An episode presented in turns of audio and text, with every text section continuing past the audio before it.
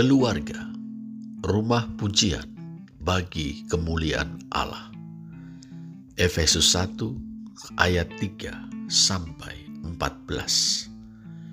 Saudara, dari surat Efesus kita mendapatkan potret keluarga berada dalam masyarakat Yunani Romawi pada pertengahan dan jelang akhir abad pertama Masehi. Lazimnya, dalam keluarga berada Yunani Romawi, terdapat seorang laki-laki dewasa yang berkedudukan sebagai kepala keluarga. Ia adalah suami, bapak, sekaligus tuan besar. Kemudian ada seorang perempuan dewasa yang berperan sebagai istri dan ibu. Selanjutnya, ada anak-anak mereka. Akhirnya ada budak yang biasanya lebih dari satu. Menurut status sosial, tuan besar, nyonya, dan anak-anak mereka adalah orang-orang merdeka. Tidak demikian halnya dengan budak-budak yang dibeli untuk mengabdikan hidup mereka kepada tuan besar dan keluarganya. Budak tidak memiliki dirinya sendiri. Ia adalah milik tuan besarnya. Statusnya sama dengan hewan ternak milik tuan besarnya. Dalam situasi begini, hidup sang budak tergantung pada kemurahan hati sang tuan besar. Rupanya, di antara keluarga-keluarga Yunani Romawi tersebut, terdapat keluarga-keluarga yang telah menerima Injil dan menjadi pengikut Kristus.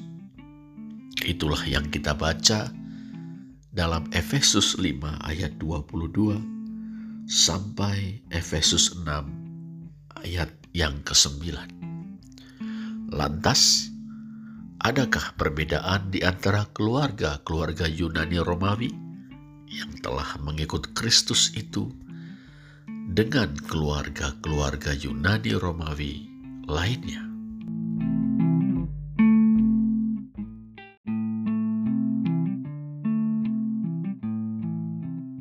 Saudara, apakah perbedaan antara keluarga-keluarga Yunani Romawi Kristen dan keluarga-keluarga Yunani Romawi lainnya. Apakah ciri khas keluarga Yunani Romawi yang telah mengikut Kristus? Dalam surat Efesus, kita menemukan sekurang-kurangnya tiga hal. Pertama, keluarga-keluarga Yunani Romawi Kristen terdiri dari tuan besar, nyonya, anak-anak, dan budak-budak. Yang mengaku bahwa Yesus Kristus adalah kurios atau Tuhan, menerima baptisan, tergabung dalam jemaat atau gereja di kotanya, dan memandang diri mereka sebagai bagian dari keluarga Allah. Mereka berpegang pada pengakuan iman sebagaimana kita baca dalam Efesus 4 ayat 4 sampai 6. Satu tubuh dan satu roh, satu pengharapan, satu iman, satu Tuhan, satu baptisan, satu Allah dan Bapa dari semua, Allah yang di atas semua dan oleh semua dan di dalam semua. Dengan baptisan, mereka telah menanggalkan manusia lama dan mengenakan manusia baru. Efesus 4 ayat 22 sampai 24. Maksudnya, dengan disaksikan oleh jemaat, mereka berikrar untuk meninggalkan kehidupan dalam pelanggaran-pelanggaran dan dosa-dosa serta menaati kuasa-kuasa yang menghisap, menindas, dan memarginalkan manusia. Kita bisa baca dalam Efesus 2 ayat 1 sampai 3. Dalam baptisan, mereka juga telah berikrar untuk hidup dalam pekerjaan-pekerjaan baik dengan ketaatan kepada Tuhan Yesus. Efesus 2 ayat 10.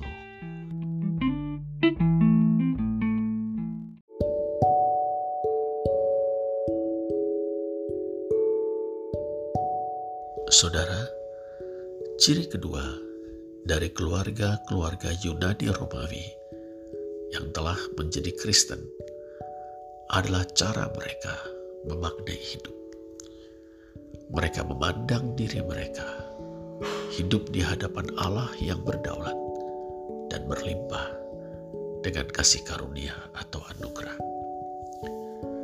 Tiap-tiap anggota keluarga yang telah menerima Injil atau percaya kepada Yesus Kristus meyakini bahwa dirinya hidup dalam anugerah Allah yang menyelamatkan.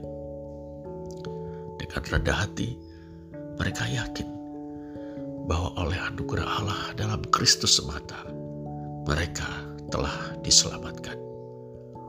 Apakah maknanya? Pertama, mereka yakin bahwa keselamatan mereka berakar dalam kekekalan. Sebagaimana kita baca dalam Efesus 1 ayat 4 sampai 6. Sebelum dunia dijadikan, Allah telah memilih dan menentukan kita untuk menjadi anak-anaknya yang kudus dan tak bercacat di hadapannya. Kedua, mereka yakin bahwa keselamatan itu telah digenapi dalam kematian Kristus sebagaimana kita baca dalam Efesus 1 ayat 7. Sebab di dalam dia dan oleh darahnya, kita telah beroleh penebusan seturut kekayaan kasih karunia-Nya. Mereka sadar bahwa mereka adalah orang-orang berdosa.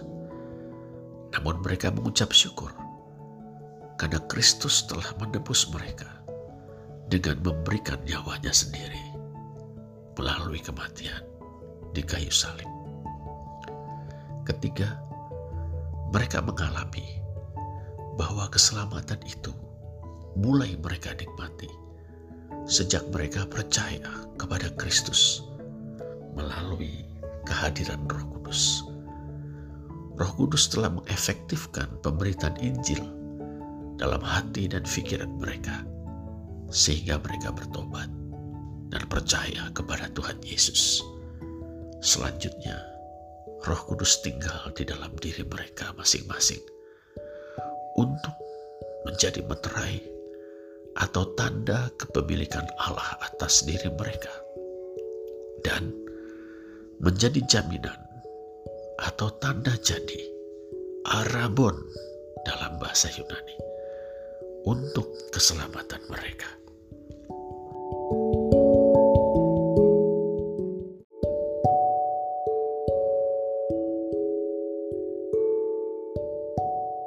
Saudara, mungkin kita bertanya, mengapa masih ada budak-budak dalam keluarga-keluarga Yunani Romawi yang telah menjadi Kristen? Mengapa para tuan besar yang Kristen itu tidak memerdekakan para budak, sehingga secara sosial mereka menjadi setara? Untuk menjawab pertanyaan ini, kita perlu memahami latar belakangnya. Masyarakat Yunani Romawi adalah masyarakat yang hidup menurut sebuah cara produksi yang kita sebut modus produksi perbudakan. Masyarakat yang demikian terbelah ke dalam dua golongan besar, yakni orang merdeka dan budak. Orang merdeka terbagi lagi di antara kaum kaya raya pemilik budak dan orang merdeka biasa yang terdiri dari para pemilik tanah kecil, pengrajin, pedagang, dan kaum buruh Orang merdeka biasa harus bekerja mencari nafkah. Kaum kaya raya tidak perlu bekerja. Mereka memiliki budak-budak untuk bekerja bagi mereka di ladang-ladang, kebun-kebun, bahkan di tambang-tambang milik mereka. Kaum kaya itu sendiri menggunakan waktu luang mereka untuk menikmati kesenian, belajar filsafat, dan berpolitik. Jadi, budak-budaklah yang sebenarnya menghasilkan makanan, bahkan kekayaan yang semakin besar bagi kaum kaya raya itu. Injil datang dengan pesan pembebasan.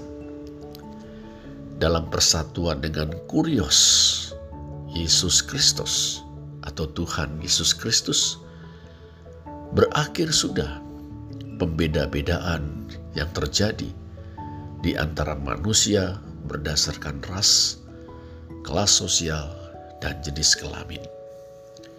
Di dalam Kristus, tiap-tiap orang adalah anak-anak Allah, dan satu sama lain adalah sesama saudara. Karena itu, di dalam gereja, yaitu persekutuan para pengikut Kristus. Semua orang duduk sama rendah dan berdiri sama tinggi.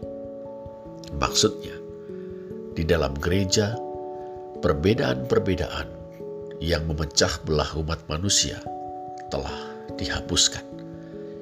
Sebagaimana dikatakan dalam Galatia 3 ayat 28. Dalam hal ini, tidak ada orang Yahudi atau orang Yunani.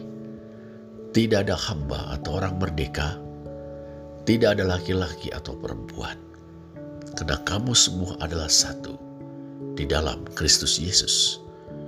Atas dasar ini, kita dapat mengatakan bahwa gereja adalah komunitas orang merdeka yang satu sama lain anggotanya setara dan bersaudara.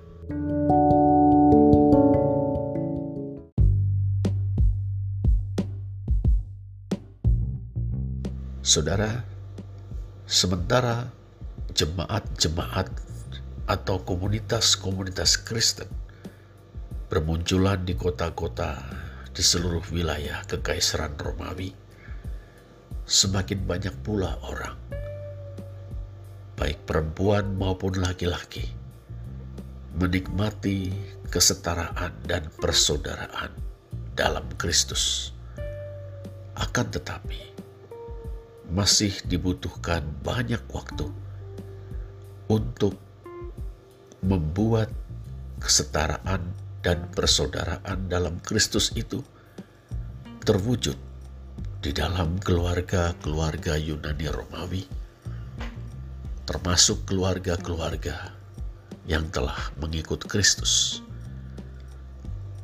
Jika gereja tergesa-gesa, tidak cukup berhati-hati, maka upaya untuk mewujudkan kesetaraan dan persaudaraan, termasuk penghapusan perbudakan dalam keluarga-keluarga Kristen, akan menimbulkan gejolak sosial yang sangat besar.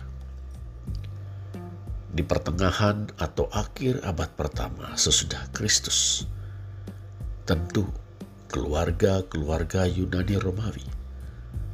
Banyak yang masih mengetahui tentang pemberontakan para budak yang dipimpin oleh Spartacus kurang lebih seabad sebelumnya, yakni pada tahun 73 sampai 71 sebelum Kristus.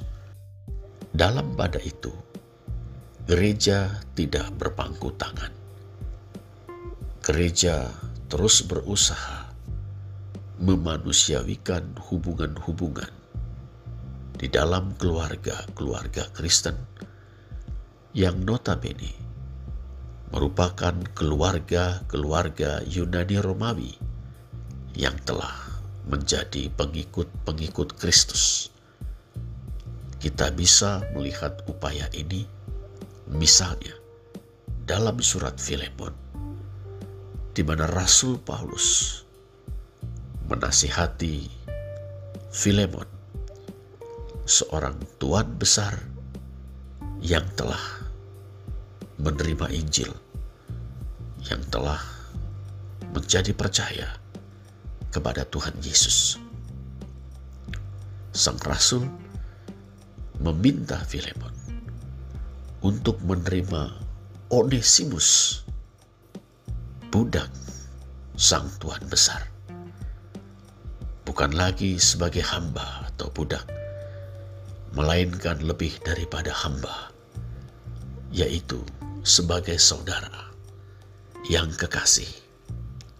Demikian kita membaca dalam surat Filemon ayat 15 dan 16.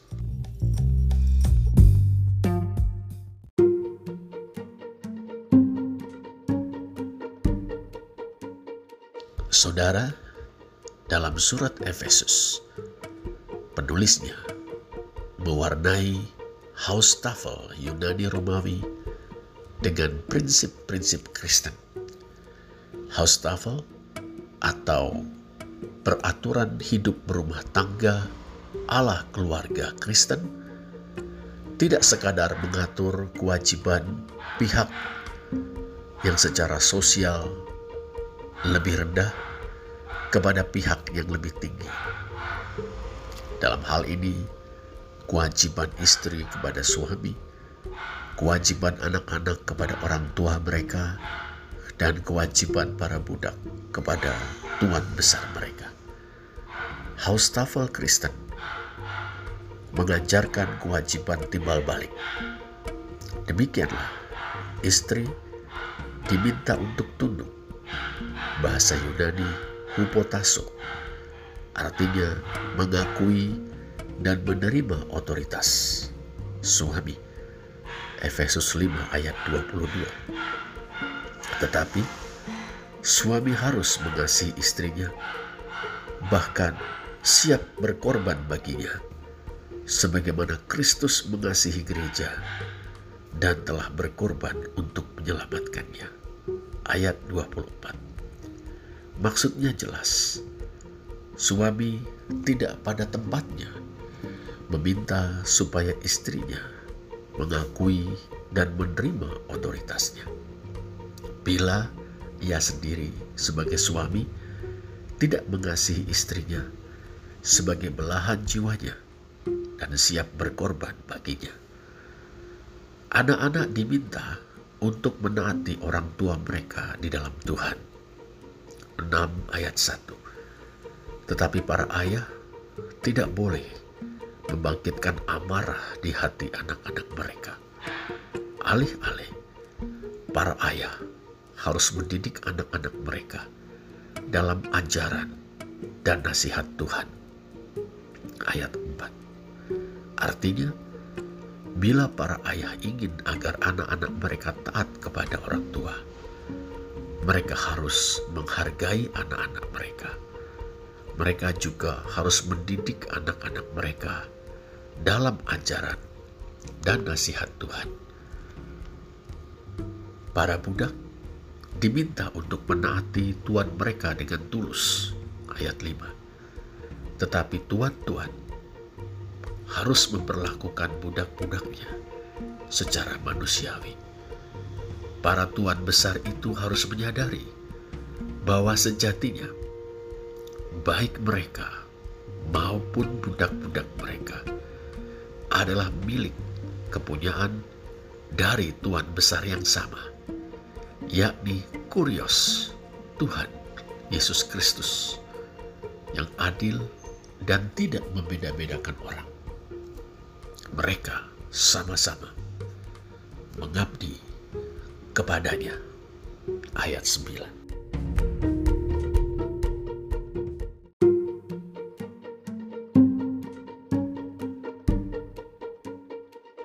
Demikianlah saudara, dengan jalan itu gereja sedang berusaha memperbarui hubungan-hubungan di dalam keluarga-keluarga Yunani Romawi, khususnya yang telah mengikut Kristus.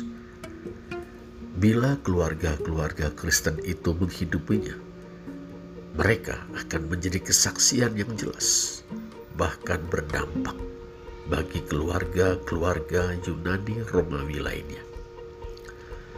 Dengan semakin meluasnya pola hubungan yang memanusiawikan itu, semakin besar pula peluang untuk menghapuskan perbudakan dan semakin terbuka juga peluang untuk memosisikan perempuan dalam kedudukan setara dengan laki-laki, baik dalam keluarga maupun masyarakat.